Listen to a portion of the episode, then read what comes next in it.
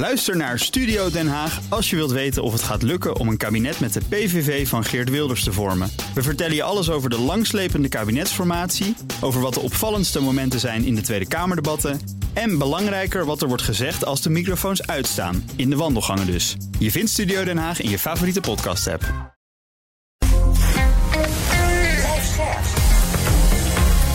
BNR Nieuwsradio. The Big Five. Diana Matroos. Machtspelletjes op de werkvloer, ze zijn van alle tijden. Maar de laatste tijd komen wel heel veel excessen naar buiten...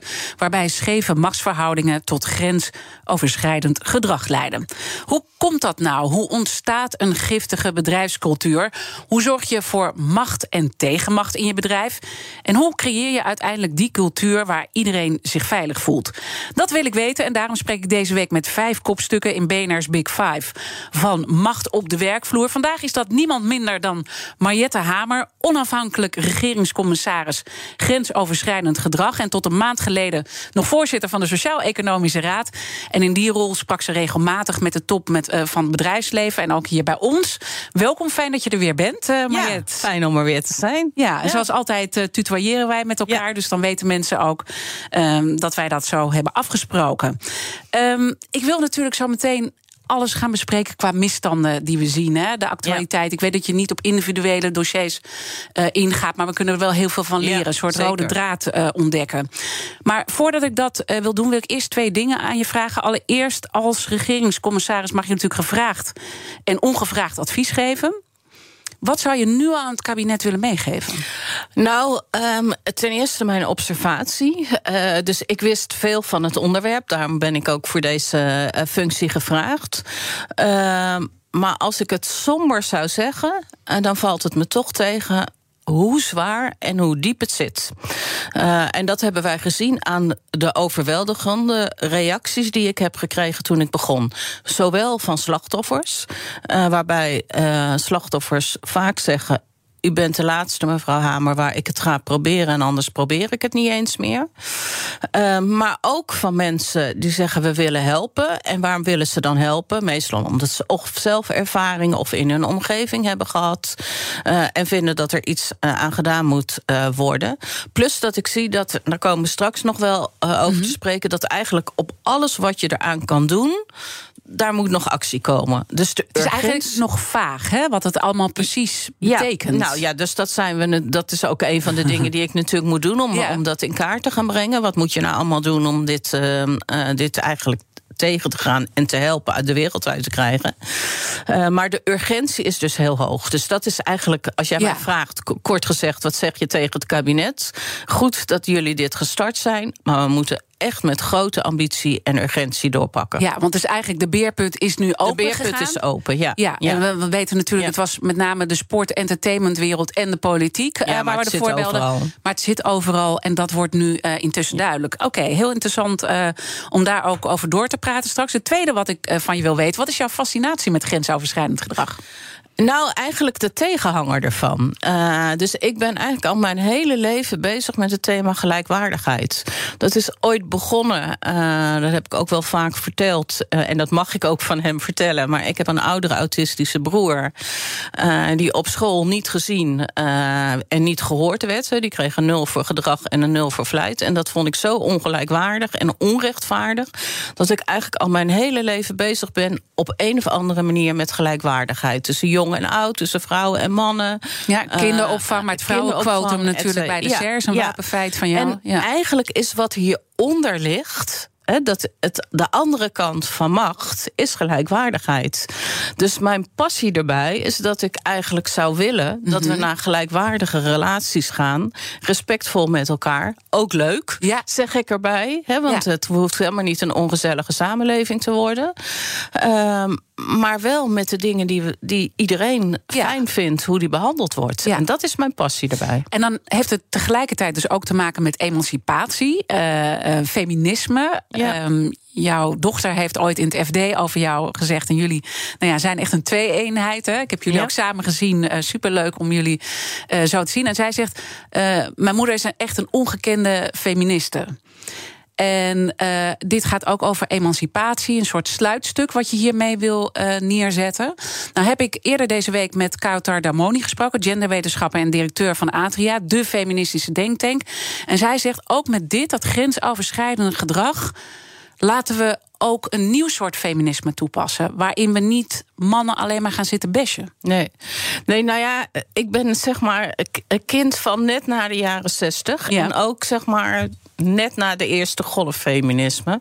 Dus toen ik jong was, heb ik wel best wel veel nagedacht over de vraag: wil ik wel een feminist zijn? Omdat bij mij en veel van mijn vriendinnen het idee was: dan mag je mannen niet meer leuk vinden. En de dat vond ik op die leeftijd juist ontzettend leuk. En uh, was ik dat zelf allemaal aan het ontdekken. Dus voor mij is feminisme ook niet iets tegen mannen. Mhm. Voor mij is feminisme gaat over die, die, gelijkwaardigheid. En is dus ook meer dan een vrouwen-mannen-ding, uh, zal ik maar zeggen. Uh, ik denk dat we juist samen, en zo hebben we ook he, dit, dat hele debat over het vrouwenquotum, diversiteit aan de top. Dat moet je met elkaar doen. En het is niet tegen mannen, maar het is dat je wil dat iedereen mee kan doen. Want het dus is wel vrouwen. een gevaarlijke cultuur ook die nu dreigt te ontstaan, die ik zelf ook wel zie. En nou, er zijn ook veel mannen die mij aanspreken, die het gewoon niet meer prettig uh, vinden. Die uh, als hun kantoortje in een, met een vrouw ingaan dat ze denken: ik laat de deur maar even open. Zo'n klimaat wil je toch ook niet krijgen? Nou ja, dat hangt er vanaf. Soms kan het handig zijn en ook veilig voor die mannen om die deur wel open te laten. Kijk, we weten wel inmiddels steeds meer, en daar wil ik ook graag verder onderzoek naar doen, naar welke risicofactoren zijn er nou eigenlijk mm -hmm. uh, dat het vaker voortkomt. En hoe groter de ongelijkwaardigheid, um, hoe meer macht, hoe meer geld ook uh, er in het spel is, hoe vaker je het ziet voorkomen. Mm -hmm. En dan kan het misschien heel veilig zijn om te zeggen: Nou, ik laat de deur wel open. Ik sprak gisteren met iemand uh, die uit de theaterwereld en, en, en uh, kwam en zei: Nou, we hebben op een gegeven moment besloten uh, in een soort gedragscode dat als de, de directeur, geloof ik, of nou ja, een, leid, ja. een, een leidinggevende praat met een jonge student, dan is er gewoon iemand bij. Nou, als je dat allemaal prima vindt kan het ook helpen. Ja. Dus het gaat mij niet om dat ik tegen mannen ben. En ik snap ook dat er mannen zijn die nu denken: jeetje, hoe moet ik me nou gedragen? Overigens, ja. dat geldt voor vrouwen ook. Het, Iedereen wordt er een beetje onzeker van. Ook voor ja. oudere vrouwen, misschien wel tegenover jongere mannen. Iedereen denkt na over dit vraagstuk. Alleen het moet wel een eerlijke vraag zijn. Want er zijn ook mannen die volgens mij best weten hoe ze zich moeten gedragen. En dit nu als excuus willen gebruiken. Van zie mij eens even zielig zijn. Nou, dat, daar, daar heb je geen boodschap nee, aan. Daar heb ik geen boodschap aan. Oké, okay, maar eigenlijk. Wel aan al die anderen die op een eerlijke zoektocht bezig ja. zijn. Hoe gaan we nou met elkaar om? Want je bent zelf natuurlijk ook onderdeel van de macht. Uh, heel lang al uh, geweest. Ook als ja. uh, voorzitter van ja. de SER, wat je tot voor kort was. Heb ook met veel mannen aan die top samengewerkt. En dan benoem je eigenlijk, het heeft vaak met ongelijkwaardige posities te maken. En dus is het meer machtsvraagstuk, grensoverschrijdend gedrag, dan dat het een man-vrouw discussie. Alleen omdat er meer mannen aan de macht zijn, is het misschien meer mannending nu. Ja, je zou kunnen zeggen, er is natuurlijk een hele keten waarin machtsmisbruik voorkomt. En als je het even simpel vertaalt naar de werkvloer, het begint met pesten, die ene mag niet meedoen, uh, et cetera. De uiterste vorm ervan is dat je de, de fysieke grens bij een ander overgaat. Uh, en dan kom je bij seksueel geweld, uh, aanranding, verkrachting, et cetera. Dat is de uiterste vorm. Waarom die zo ingewikkeld is in kwestie rondom seksualiteit, is dat de goede vorm van seksualiteit natuurlijk ook een ja, een ja. spel is. Hè, als ik jou niet ken en ja. nou ja, hè, ik, ik wil iets met jou, dan ben je ook op de zoektocht. Wil jij ja. dat ook? En flirten uh, is grenzen opzoeken, toch? Dat is ongeveer dat hoort van erbij. flirten. Ja. En dat is ook als het gelijkwaardig is, het leuke. En dan kom je op een moment dat de ene het uh, uh, wel wil. Uh, en dan kun je er mee, -hmm. doorgaan. En er kan ook op een moment komen dat die ander het niet wil. En dat je ermee moet stoppen. Alleen waar daar de grens over gaat, dat maakt het zo ingewikkeld. En als er dan macht bij komt, dan durft vaak. En dan weten we helaas mm -hmm. dat het heel veel gaat over vrouwen. ja, die durven dan of die grens niet aan te geven. of of er is de mogelijkheid niet, of het gaat te snel. Of nou ja, daar, daar weten we inmiddels ook heel veel van wat er dan gebeurt. Maar omdat het echt toch wel van subtiel vaak begint uh, naar een uiterste vorm van fysiek geweld. Uh, ja, dat maakt het ingewikkeld. Ja, want dat, daar ligt wel jouw focus hè, op het seksuele geweld uiteindelijk, het seksueel grensoverschrijdend gedrag. Maar je gaat ook breder kijken, want het begint eigenlijk. Ja, het begint ergens anders ja, natuurlijk. En het bouwt uh, uh, op. Maar eigenlijk hoor ik je dus ook tussen neus en lippen door zeggen dat we ook zoekende zijn. Wat is het nou? Uh, ja. Eigenlijk de definitiekwestie is niet helder. En die moet wel helder worden natuurlijk. Ja, nou, ik, ik, ik toch even een cijfer. Dus 73% van de vrouwen zegt dat ze zich uh, uh, wel eens een keer seksueel geïntimideerd hebben gevoeld. Mm -hmm. Dat is drie kwart van de vrouwen. Ehm, dat is dus heel veel. 45% van de vrouwen zegt dat ze met seksuele mm -hmm. aanranding, geweld te maken hebben gehad. Dat is bijna de helft. Dus het is wel echt een groot probleem. En dat is ook wat ik die eerste weken heb gezien. En het hoeft niet per se met de werkvloer altijd te maken te hebben. Nee. Het gaat ook om privé kwesties. Ja, maar, maar dat is gedrag hè, lokt elkaar ook uit, hè? macht, hè? Een vader, een oom, een broer met een, eh, met een kind. Of omgekeerd. Hè? Ja. Uh, dus ik was in de eerste week naar een voorstelling Snackbar. Dat vond ik wel mooi. Daar hadden ze het omgekeerd. Daar was het de overleden tante die de seksuele aanranding had uh, gepleegd. Uh, dus, we, dus we moeten ook oppassen dat we hier niet alleen maar weer in stereotyperingen ja. denken. Maar het komt dus waanzinnig veel voor. En naarmate, dat is misschien dan weer De andere kant van de medaille. Naarmate natuurlijk de emancipatie van ons allemaal groeit, is het ook logisch dat dit probleem bespreekbaar wordt. En moeten we zoeken naar een hedendaagse manier om daarmee om te gaan. The Big Five. Diana Matroos. Mijn gast is Mariette Hamer. Ze is onafhankelijk regeringscommissaris grensoverschrijdend gedrag. Waarbij met name wel een focus ligt op dat seksuele. Maar je hebt gezegd, het speelt eigenlijk uh, nou ja, heel erg breed. Het begint ergens en het, het, bouwt zich uh, uiteindelijk op. Dus je moet dat hele spectrum uh, bekijken. Je hebt ook gezegd het gaat niet alleen om de dader van dat grensoverschrijdend gedrag. Het gaat ook heel erg om de omstanders. Is dat wat je nu met al die zaken, die we ook ja. allemaal kennen, die in de actualiteit zijn geweest, ook als een belangrijke rode draad ziet? Ja, ja omdat zeg maar, overigens blijft belangrijk natuurlijk, hè, uh, anders word ik verkeerd verstaan, dat, dat dadergedrag, ook daar moeten we zeg maar kijken wat veroorzaakt het nou, waarom komt het zoveel voor, et cetera. En dat niet wegpraten. Hè. Mm -hmm. Dus als iemand echt de grens over gaat, moet dat bestraft, et cetera. Maar waarom die omstander zo belangrijk is, kijk, wat ik graag zou willen, uh, en de, mijn opdrachtgevers, want het kabinet heeft mij dit gevraagd ook, is dat we natuurlijk willen dat het in ieder geval Nederland uitgaat het liefst ook de wereld. En dan zijn die omstanders heel belangrijk. Want als je eerder ingrijpt, als eerder iemand zegt: hé hey joh, uh, wat, wat ben je nou eigenlijk aan het doen? Of aan de. Vaak de vrouw vraagt: vond je dat eigenlijk wel prettig wat er gebeurde? Dan wordt er ingegrepen. Ja. Op het moment dat het nog kan.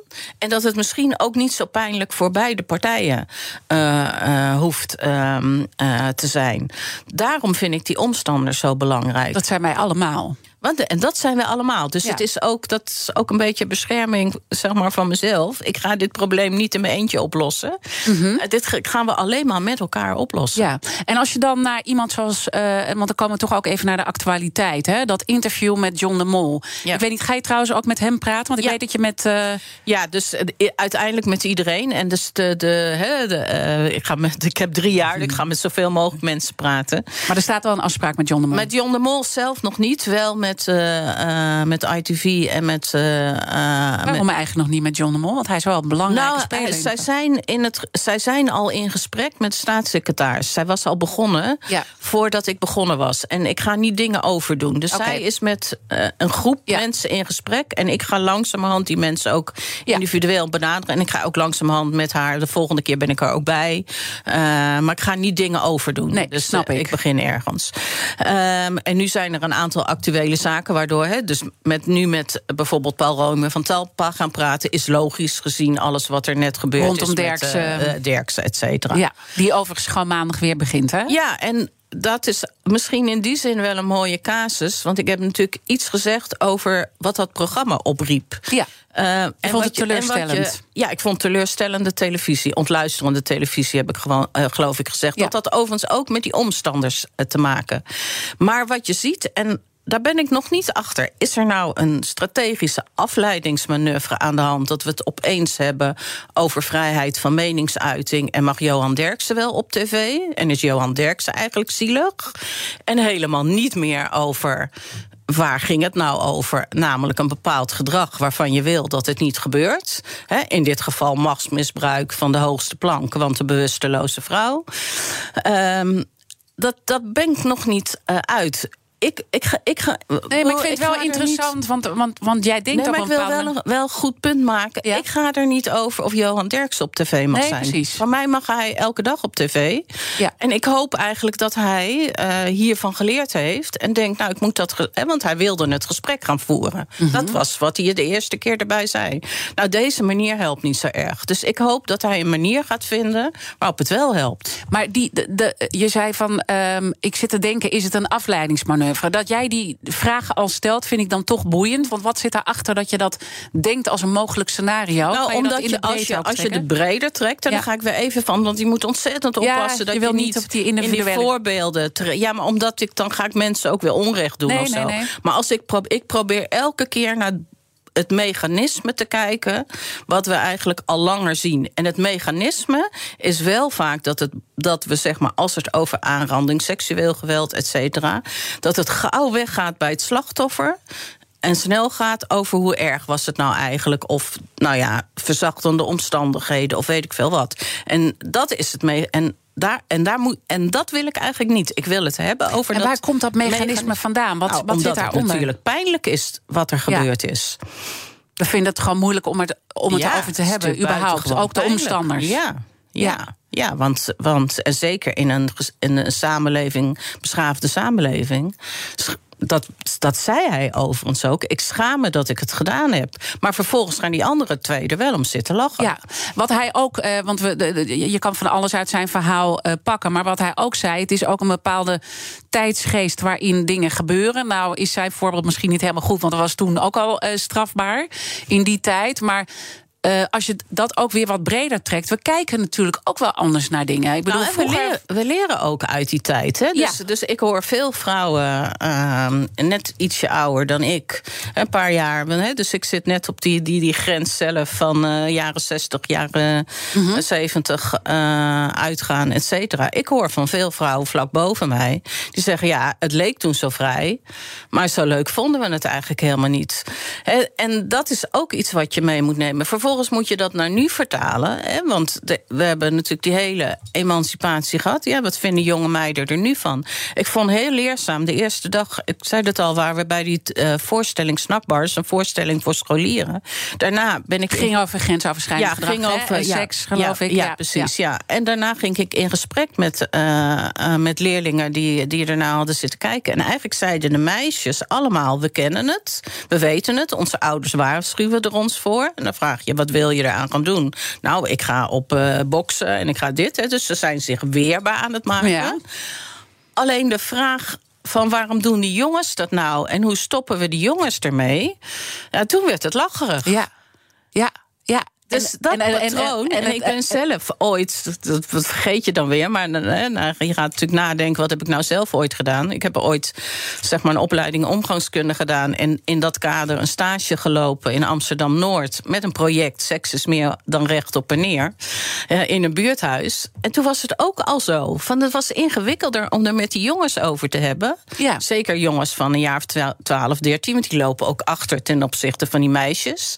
Ja, dat is allemaal, allemaal ingewikkeld nog. En daar moeten we echt iets aan doen. En is het in die zin ook een collectief eh, probleem? Want dat kwam eigenlijk ook in het gesprek met Caro Tardamoni, genderwetenschapper, maar ook met eh, een man, financieel journalist Jeroen Smit, die topbestuurders eh, Ja. volgt.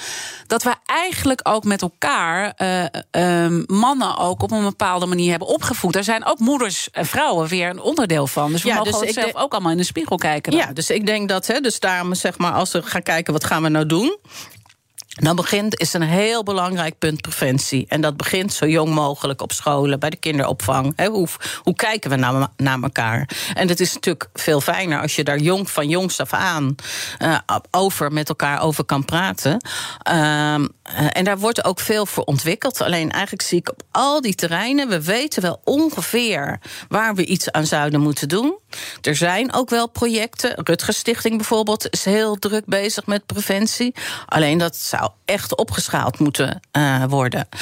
Uh, en nou, datzelfde geldt. Hè. Je, als je het je is overkomen, vertrouwenspersonen, moet echt veel meer geregeld worden over de positie van die vertrouwenspersonen. Dus overal wat je aanraakt, mm -hmm. en dat is wat mijn team en ik eigenlijk de eerste maand, want we zijn een maand bezig ja, nu, precies. hebben gezien, is we, we raken elke keer iets aan. En er is eigenlijk geen één onderwerp waarvan je zegt: Oh, nou, dat is klaar, krulletje. Dat, Nee, en gelukkig heb je drie jaar. Maar, ja. maar uh, wij zaten ons ook als redactie af te vragen: jeetje, hoe moet je dit gaan doen? Want het is een mega pittige opdracht. En zeker ook met alles wat dus eigenlijk nog vaag is en nader ingevuld moet worden. Maar laten we in het tweede deel van ons gesprek toch een aanzet uh, geven. Wat jouw uh, denkrichting is. Dan praat ik verder met Mariette Hamer, onafhankelijk regeringscommissaris grensoverschrijdend gedrag.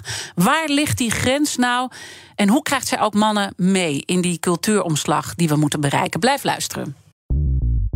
Bij BNR ben je altijd als eerste op de hoogte van het laatste nieuws. Luister dagelijks live via internet. Bas van Werven. En heel langzaam komt de zon op rond dit tijdstip. Je krijgt inzicht in de dag die komt op BNR, het Binnenhof in Nederland en de rest van de wereld. De Ochtendspits. Voor de beste start van je werkdag. Blijf scherp en mis niets.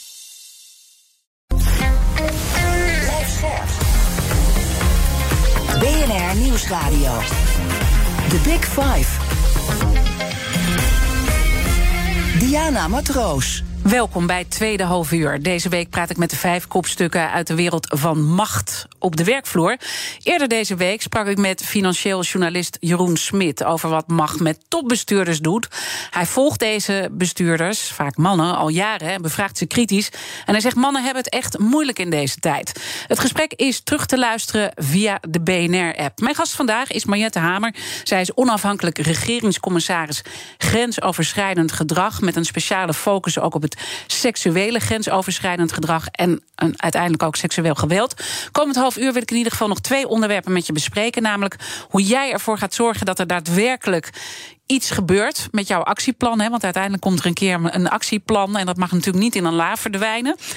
En, en wat voor normen er uiteindelijk nodig zijn om grensoverschrijdend gedrag op de werkvloer te voorkomen. Of als het uh, er is aan te pakken. En we waren daar eigenlijk al een beetje mee bezig. Dus laten we daar um, op doorakkeren.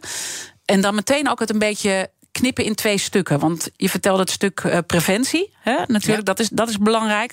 Maar ook op het moment dat het gebeurt, grensoverschrijdend ja. gedrag. En laten we dat met dat eerste beginnen. Want als het gebeurt, wat doet dat dan met een organisatie? En wat, wat zie je gebeuren ook aan de zaken die we nu in de actualiteit zien? Nou, je ziet dat er dan een hele hoop uh, ja, onrust uh, ontstaat. En dat is ook weer iets wat we leren van hè, de, de laatste casussen die we hebben zien komen. De, eerste reflectie is, nou dan stellen we snel een onderzoek in. Um, en je ziet eigenlijk bij al die onderzoeken, bij de Voice is bijvoorbeeld, uh, zeggen een aantal slachtoffers, ja, is het wel onafhankelijk genoeg? Uh, de casus D66, hè, ik kan iets makkelijker iets zeggen over casussen uh, waarvan we iets meer weten, dan ja. die nog helemaal in de vertrouwelijkheid spelen. Bij D66 hebben we gezien heel veel discussie over een vertrouwelijk deel, wat overigens op verzoek van de slachtoffer was gemaakt, en een transparant deel. Nou, daar zie ja. je, dat levert op zichzelf weer problemen. Uh, op. Dus mijn uh, eerste indruk is wel dat we eigenlijk ook veel beter moeten kijken. Wanneer zetten we nou onderzoek in? Hoe helder is het doel van het onderzoek? Is het gericht op cultuurverandering? Of is het gericht op echt weten wat er aan de hand is? Is het gericht om te kijken of je misschien nog wel meer aangiftes uh, richting het OM uh, moet gaan doen? Dat moet eigenlijk veel helderder zijn bij het begin van het onderzoek. Dus mm -hmm. waar ik over denk, um, uh, en ik zeg bewust over denk ja. dat ik daar met deskundigen richting, ja. nu over aan het praten ben, is moeten we niet een soort kader maken waarin we zeggen als je onderzoek gaat doen, dan moet je dit en dit en dit rekening Via deze mee spelregels. Ja, eigenlijk. precies. Ja. Maar zou je, als je dat toch even die richting eh, doordenkt. ehm, het moeilijke is natuurlijk wie betaalt, bepaalt. Nou ja, dat is dus ook een vraagstuk. Wanneer is een onderzoek onafhankelijk? Ja. En het is logisch als het gebeurt bij een werkorganisatie, dat de top van die werkorganisatie denkt: ik ga iets doen, ik ga dat onderzoek doen. Maar er zijn ook, hè, dus eh, Arjen Korteweg is daar geloof ik nu in de Volkskrant over begonnen. Die zegt: Nou, misschien moet je wel een onafhankelijk instituut hebben. Zover ben ik nog niet. Ik wel, ik ben een maand begonnen, maar ik zie dat hier een vraagstuk ligt. Ja, want je zou natuurlijk een soort nationaal coördinator kunnen aanstellen... die boven de partijen staat. Een soort potje vanuit Ja, de nou ja, overheid. ik denk eerder dan hè, een, een, een onafhankelijk onderzoeksbureau of wat dan ook. Ehm, eh, waar je terecht kan als je zo'n soort onderzoek wil doen. Maar nogmaals, ik weet niet of het nodig is. Maar ik zie in ieder geval dat het onderzoek nu eigenlijk eerder Mhm. meer voor meer fus achteraf zorgt dan voor de oplossing. Zijn overigens. Ook dat moet ik nog zeggen. Ik moet me ook nog verdiepen in waar is het wel goed gegaan. Hè? Ja, ja. Dus, ehm, Oké, maar dit- dit is een een belangrijk onderwerp punt. waar we mee verder moeten. Nou, het tweede wat we natuurlijk zien is eigenlijk het stapje daarvoor. Hè, het melden bij vertrouwenspersonen. Nou, We hebben de initiatiefwet hè, ja, in de hebben- maak. ja, precies. Nou, daar, die zeggen we eigenlijk moet die, moet die vertrouwenspersonen er overal zijn. Ze moeten onafhankelijk zijn. Wat er nog niet in Een bepaalde scholing misschien? ja, scholing moet er zijn. Ze moeten een bepaalde deskundigheid hebben. Want ook daar zie je weer, als dat niet zo is. Nou, dat zie ik dan aan die brieven die ik krijg. Mensen die zich gemeld hebben, gemeld hebben. en uiteindelijk van het kastje naar de muur worden gestuurd. Dan wordt het erger van. Ehm, en ook daar geldt bijvoorbeeld het vraagstuk. dat zit volgens mij nog niet in het wetsvoorstel. Moet je, net zo goed als je in een medezeggenschapsraad zit. en je een eh, niet ontslagen kan worden. Misschien moet zoiets ook wel voor vertrouwenspersonen Ja. gaan gelden. Dus ook daar zitten nog een heleboel dingen die geregeld moeten die worden. nader ingevuld Ja. moeten worden. En wat, wat mij nu ook gevaarlijk lijkt, in, eh, want het is, eh, daar begonnen we de uitzending mee. Het is giga groot. En je zei ook, er zijn mensen die willen helpen. Ja? Het is natuurlijk ook een businessmodel. Eh, Hoe zorgen we dat het niet een verkeerde financiële prikkel wordt? Ja, nou ja, dat is natuurlijk iets waar ik heel goed op moet, eh, eh, ook moet, naar moet gaan kijken. Dat uiteindelijk, kijk, ik ga steeds terug naar dat rijtje met die cijfers. Hè, waar hebben we het over? Want er wordt al snel gedacht, nou is dit nou niet een luxe probleem of wat dan ook. Maar als, meer, als ongeveer de helft van de vrouwen zegt dat ze te maken hebben gehad met een vorm van seksueel geweld, dan is dat echt een fors probleem. Dus, daar, dus het is echt een groot maatschappelijk vraagstuk. En dan heb ik het nog niet eens over, want nu heb ik het, de cijfers over vrouwen, weten we dan iets van. Maar er zijn natuurlijk ook jonge mannen die er in bepaalde sectoren, denk aan de modellen, eh, wereld, et cetera, mee te maken hebben. Dus, dus, hè, dus het, maar naar mijn gevoel is het echt een groot eh, probleem. En dat vindt het kabinet ook, anders hadden ze mij niet aangesteld. En dus dat is de urgentie. En vervolgens moet je kijken hoe ga je het oplossen. Ja. En vervolgens moet je ook gaan kijken hoe ga je het dan oplossen op een manier die past bij het probleem waar je het in de situatie over hebt. Ja, want dat lijkt mij dus het lastige. Want dan kom je ook op het stuk eh, preventie eigenlijk. Hè, van wat voor afspraken gaan we nou maken rondom grensoverschrijdend gedrag. Waarvan je al zei dat is. Super moeilijk, hè? want eh, liefde op, de, op het werk en flirten. Nou ja. Ja. goed, we kennen ook de voorbeelden uit Ja. de actualiteit. Hè? Gijs van Dijk bij de Partij van de Arbeid. Dat was nou ja, toch ook een, een liefde. Eh, Frans van Drimmelen begon ook met liefde. Het Ja. was echte liefde. En dat loopt dan op een bepaalde manier al dan niet eh, ehm, uit de hand. Dus hoe gaan we daar, hoe moeilijk is dat om afspraken te maken waar we het allemaal over eens zijn? Nou ja, daarom is het zo belangrijk. Hè, want het, we hebben het nu over de werkvloer. Het komt natuurlijk thuis ook voor. Dus vaak nog veel traumatischer. Hè. Je vader, je oom, eh, dus ook een machtsrelatie. Ja. Ehm, eh, of je tante, zoals in de snackbar. Ehm, eh, dus, dus het komt overal voor. Dus we moeten eigenlijk overal dat gesprek gaan voeren. Eh, van hoe, hoe, hoe krijgen we dit nou boven tafel en hoe voorkomen we het? Nou, daar zijn ook best wel voorbeelden van. Als je een, een, eh, een aantal basisscholen binnenloopt, dan hangt daar een gedragscode. hè, van eh, niet met propjes schieten, weet ik veel wat ze allemaal bedenken. Maar ook hoe ga je met elkaar om? Daar hoort dit eigenlijk ook bij. Ja. Ehm, dus maar ik help denk ons dat het, dan, want, want nou ja, dat. Kijk, ik kan van bovenaf. Hè, dus, dus er zijn mensen die zeggen. we moeten gaan normeren. Normeren. Er moet ook een vorm van normeren komen. Alleen ik geloof altijd meer dat als de normering gedragen is op waarde uit de samenleving, dat die normering ook beter blijft hangen. Ja, dus maar dit is dus heel moeilijk, hè? Want ja, uh, je kan in structuur heel makkelijk dingen regelen. Dus met vertrouwenspersonen kunnen we er allemaal dingen over afspreken. Maar we weten altijd, cultuurverandering, dat is het het allermoeilijkste. En daar is dit dus ja. ook een onderdeel van. Dus je wil, ik hoor je zeggen, ik wil debat. Uh, uh, gesprek, hè? Ja, debat klinkt zo van we gaan erover discussiëren. Maar het gaat eigenlijk om een gesprek met elkaar. Ja. En dat gesprek is dat ook wat je bij de, gevoerd uh, worden. Is dat ook wat je bij de, de, de televisieproducenten ook wil bespreken? Ja, daar wil ik het. Kijk, zij kunnen een hele belangrijke rol spelen. Ten eerste in voorlichting erover. Mm -hmm. en het laten zien waar gaat dit nou eigenlijk over. En hoe groot is het en waar gebeurt het allemaal. Maar zij kunnen ook een hele belangrijke rol vormen bij het goede gesprek erover. Ja. Uh, en ook dat op gang brengen van wat vinden we nou acceptabel en niet. Ja. Want dan komen we bij onze waarden. En als het gebaseerd is op onze waarden, op respect. Ja heel veel, in ieder geval, mensen zijn er toch van overtuigd dat we met respect met elkaar om willen gaan. Ja, dan kan je gaan bouwen. Wat, waar, waar, waar ligt dan voor jou de grens? En dan kun je ook naar je situatie. Maar aan wat voor grens denk jij nou een beetje? Want, want uh, dat vind ik nog moeilijk om, om te nou, vatten. Want, want iedereen denkt er. En door diversiteit op de werkvloer is dat alleen maar ook anders eh, geworden qua interpretatie natuurlijk. Ja, nou, diversiteit op de werkvloer kan overigens heel erg helpen. Mm -hmm. uh, omdat we weten ook uit de cijfers dat naarmate een organisatie diverser is, uh, het minder voorkomt. Dat is ook logisch, want dan zit aan die tafel zitten uh, die verschillende belevingen. Ja. Van hoe vrouwen het beleven, hoe mannen het beleven. He, dus misschien was het ook bij Johan Derksen wel minder uit de hand gelopen. als Angela de Jong toevallig die uitzending wel aan tafel had gezeten. En niet een paar uitzendingen later. He, dat mm. weet je niet, maar dat als je het op basis van onderzoek zou kijken, uh, dan zie je in ieder geval die diversiteit helpt. Ja.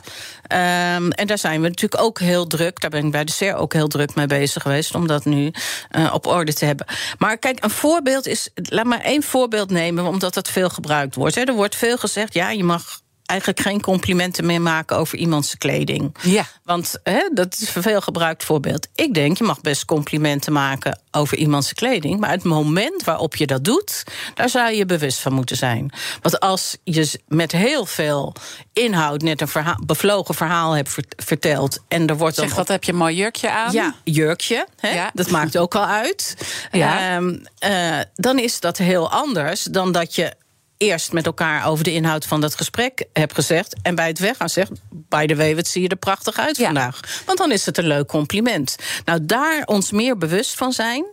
Kijk, en dat is een heel licht voorbeeld. Ja.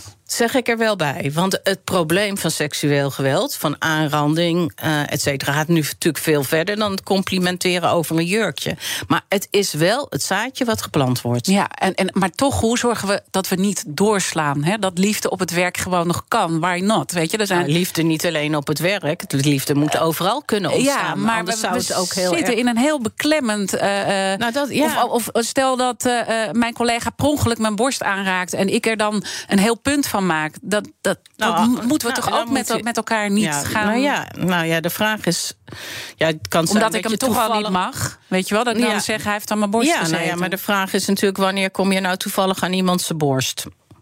Ja, ja, als je, je er tegenop, heel vaak, ja. tegen, tegen Nee, iemand opbotst... ik vind dit dus het gevaar van het hele verhaal. Dat we allemaal multi-interpreteren. eh, ook soms ander belang hebben om iemand Ja. zwart te maken. En dat is ook wat mannen, denk ik, niet voelen. maar het gaat steeds om terug te gaan naar het mechanisme. Wanneer zit er een mechanisme achter wat die gelijkwaardig is? Als ik gewoon tegen jou opbots per ongeluk... omdat we door dezelfde deur heen moeten... Dan, dan zijn we allebei, gaan we gelijkwaardig door die deur. Om maar even het komisch te zeggen. Als ik er een reden mee heb, of als ik denk... nou, dit is een manier om jou naar achteren te duwen... dan is het ongelijkwaardig. Ook Bas van Werven vind je in de BNR-app. Ja, je kunt live naar mij en Iwan luisteren tijdens de ochtendspits. Je krijgt een melding van Breaking News. En niet alleen onze podcast Ochtendnieuws, maar alle BNR-podcasts vind je in de app. Download nu de gratis BNR-app en blijf scherp. BNR Nieuwsradio. The Big Five. Diana Matroos. Je luistert naar BNR's Big Five van Macht op de Werkvloer. Eerder deze week sprak ik met genderwetenschapper Kautar Damoni... directeur van de feministische denktank Atria. Kautar staat voor een nieuw, moderne vorm van feminisme. Dat gesprek is terug te luisteren via bnr.nl. Mijn gast vandaag is Mariette Hamer... onafhankelijk regeringscommissaris grensoverschrijdend uh, gedrag. Uh, misschien mooi om nu ook meteen uh, de kettingvraag erbij te pakken. Want gisteren sprak ik met Matt de Vaan... schrijver van het boek Machiavelli op de werkvloer... En hij is ook communicatie- en organisatieadviseur. En Matt had deze vraag voor jou. Nou, zij is regeringscommissaris, maar ze heeft daar de rol in, zag ik, uh, adviseur te zijn. Nou, dat ben ik ook. En het is over het algemeen zo dat als je adviezen geeft, dan vind je het ook wel prettig als iemand anders zegt: Nou, vind ik een goed advies, daar wil ik wel mee verder. Dus ik ben heel benieuwd wat Mariette uh, Hamer haar uh, persoonlijke krachten en machtsbronnen zijn, waarmee ze ervoor zorgt dat die adviezen die ze gaat geven, omarmd worden en uitgevoerd worden. Dus met andere woorden, hoe maakt zij haar adviezen tot een machtig wapen? Wat zit er in haar waardoor, ze, waardoor dat gaat lukken? Mm, nou ja, natuurlijk ben je de polderkoningin, dus dan kan je wel wat aan. Maar hoe, hoe, waar, zit je, waar zitten jouw machtsbronnen? Nou ja, ten eerste in de functie zelf. Hè. Dus als een kabinet een regeringscommissaris aanstelt met de bedoeling gevraagd, ongevraagd advies uh, te geven. Uh, ik word betrokken bij het opstellen van het nationale actieplan. Uh, dan zouden ze wel gek zijn als ze niet ook goed naar me zouden luisteren. Zij zijn mm -hmm. een beetje streng. want ja, dan anders hadden ze dat niet hoeven, hoeven aan te stellen. Ehm, dus dat is één. En ten tweede, ja ik heb natuurlijk veel, bij de SER veel ervaring opgedaan met advies, advisering geven. Daar heb ik overigens geleerd dat een analyse, goed weten waar je het over hebt, um, uh, dat dat heel belangrijk is. Um, en ook draagvlak. Waarom, was, waarom is de SER eigenlijk de laatste jaren steeds meer mm -hmm. in het nieuws gekomen. Omdat we heel goed in staat waren met werkgevers, werknemers, andere deskundigen, uh, betrokkenen uit uh, de sectoren waar we het over hadden. Uh, om gezamenlijk dat advies te geven. Dus naarmate er meer draagvlak is, en daarom ja. vind ik dat maatschappelijke gesprek, als ik het zo mag noemen, ook zo belangrijk. Dan zullen die adviezen ook meer aan kracht winnen. En hoe ga je dan draagvlak onder mannen vinden? Nou, door, door ze in te zetten. Ten eerste ben ik van plan, naast dat ik graag een klank klankbordgroep wil gaan inzetten. vanuit al die verschillende disciplines die ermee te maken hebben. die mij, die mij weer kunnen adviseren. Waar ook zeker mannen in zullen zitten. Um, uh, wil ik ook eigenlijk ambassadeurs hebben. Uh, om met mij samen dat gesprek aan te gaan. En ik hoop dat er een heel aantal mannen bereid zijn. Ja. om ook die ambassadeur te zijn. En John de Mol zou zo'n ambassadeur kunnen zijn, bijvoorbeeld. Ja, als hij dat. Of Johan Derksen uh, zelfs. nou, als hij in staat is om zeg maar te reflecteren op wat er nu uh, gebeurd is en het een beetje weg te halen bij ik ben zo zielig want ik mocht niet meer op tv, mm -hmm. waar het eigenlijk helemaal niet over ging, mm -hmm. uh, dan zou dat ook heel uh, goed kunnen. Maar goed, om ambassadeur te kunnen zijn, heb ik altijd geleerd... moet je eerst iemand zelf vragen dan dat in het openbaar te doen. Ja, ja, ja. Uh, dus ik ga hier nu, nu, nu, geen namen noemen. Maar, maar jij vroeg mij, horen daar mannen bij? Ja, zeker, daar horen mannen ja. bij. Uh, Kouter Domoni, genderwetenschapper en dus directeur van Atria... die zei van misschien moet je ook een soort klachtenprocedure hebben... voor de dader in het uh, verhaal. Hè? Omdat toch even we zijn eigenlijk nog aan het onderzoeken met elkaar als maatschappij... wat is grensoverschrijdend. Mm -hmm. Je gaat dat ook nog niet invullen, want je zegt...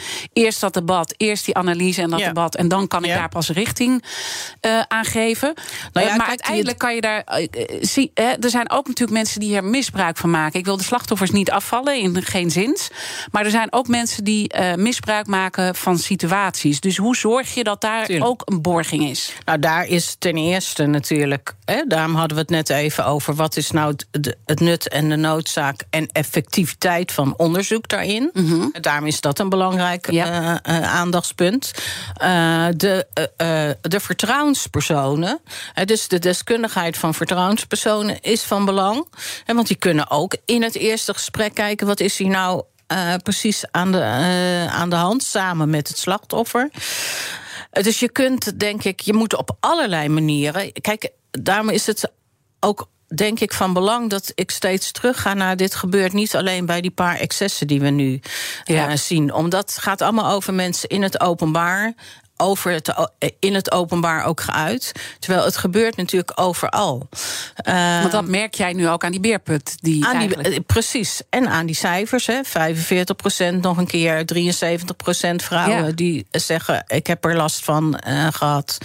Het, dus het gebeurt overal. En die daar moet je natuurlijk op een zorgvuldige manier uh, mee omgaan. En de kunst voor mij is, als je naar de geschiedenis van dit onderwerp kijkt, ja. het is heel vaak gebeurd dat uiteindelijk het gesprek, joh, maar als er nou iemand verkeerd beschuldigd wordt, afleidt van het werkelijke probleem. Dat wil ik natuurlijk voorkomen. Ja. Aan de andere kant, we gaan niemand valselijk beschuldigen. Daarom zeg ik ook al, door lopende zaken ga ik niet op in. We moeten eerst weten wat er is gebeurd. Zorgvuldigheid is buitengewoon belangrijk. Ja.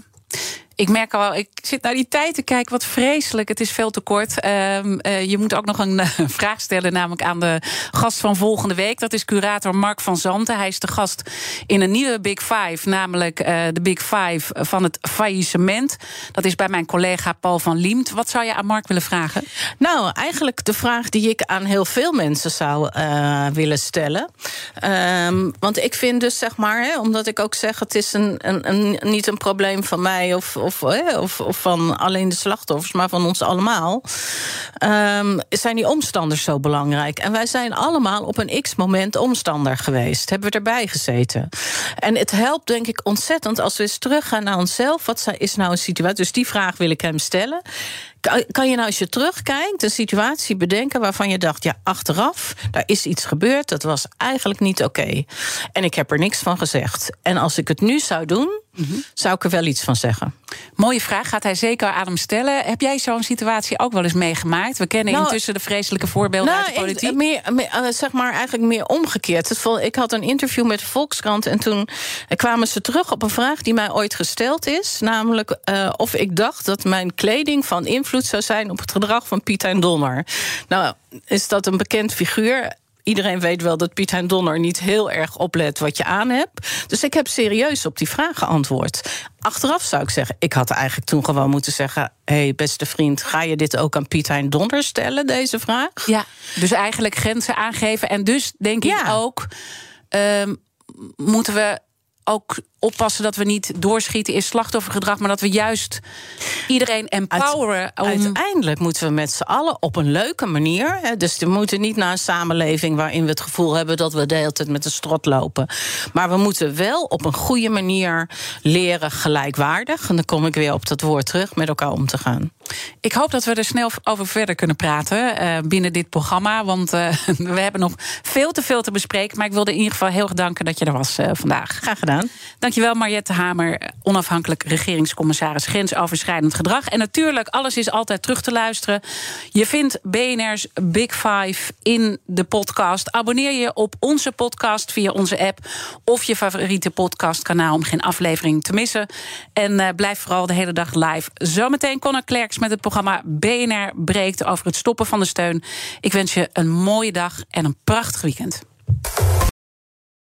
Ook Harm Edens vind je in de BNR-app. Je kunt BNR Duurzaam niet alleen live luisteren in de app, maar ook terugluisteren als podcast, zoals al onze podcasts. En naast dat de BNR-app Breaking News meldt, houden we je ook op de hoogte van het laatste zakelijke nieuws. Download nu de gratis BNR-app en blijf scherp.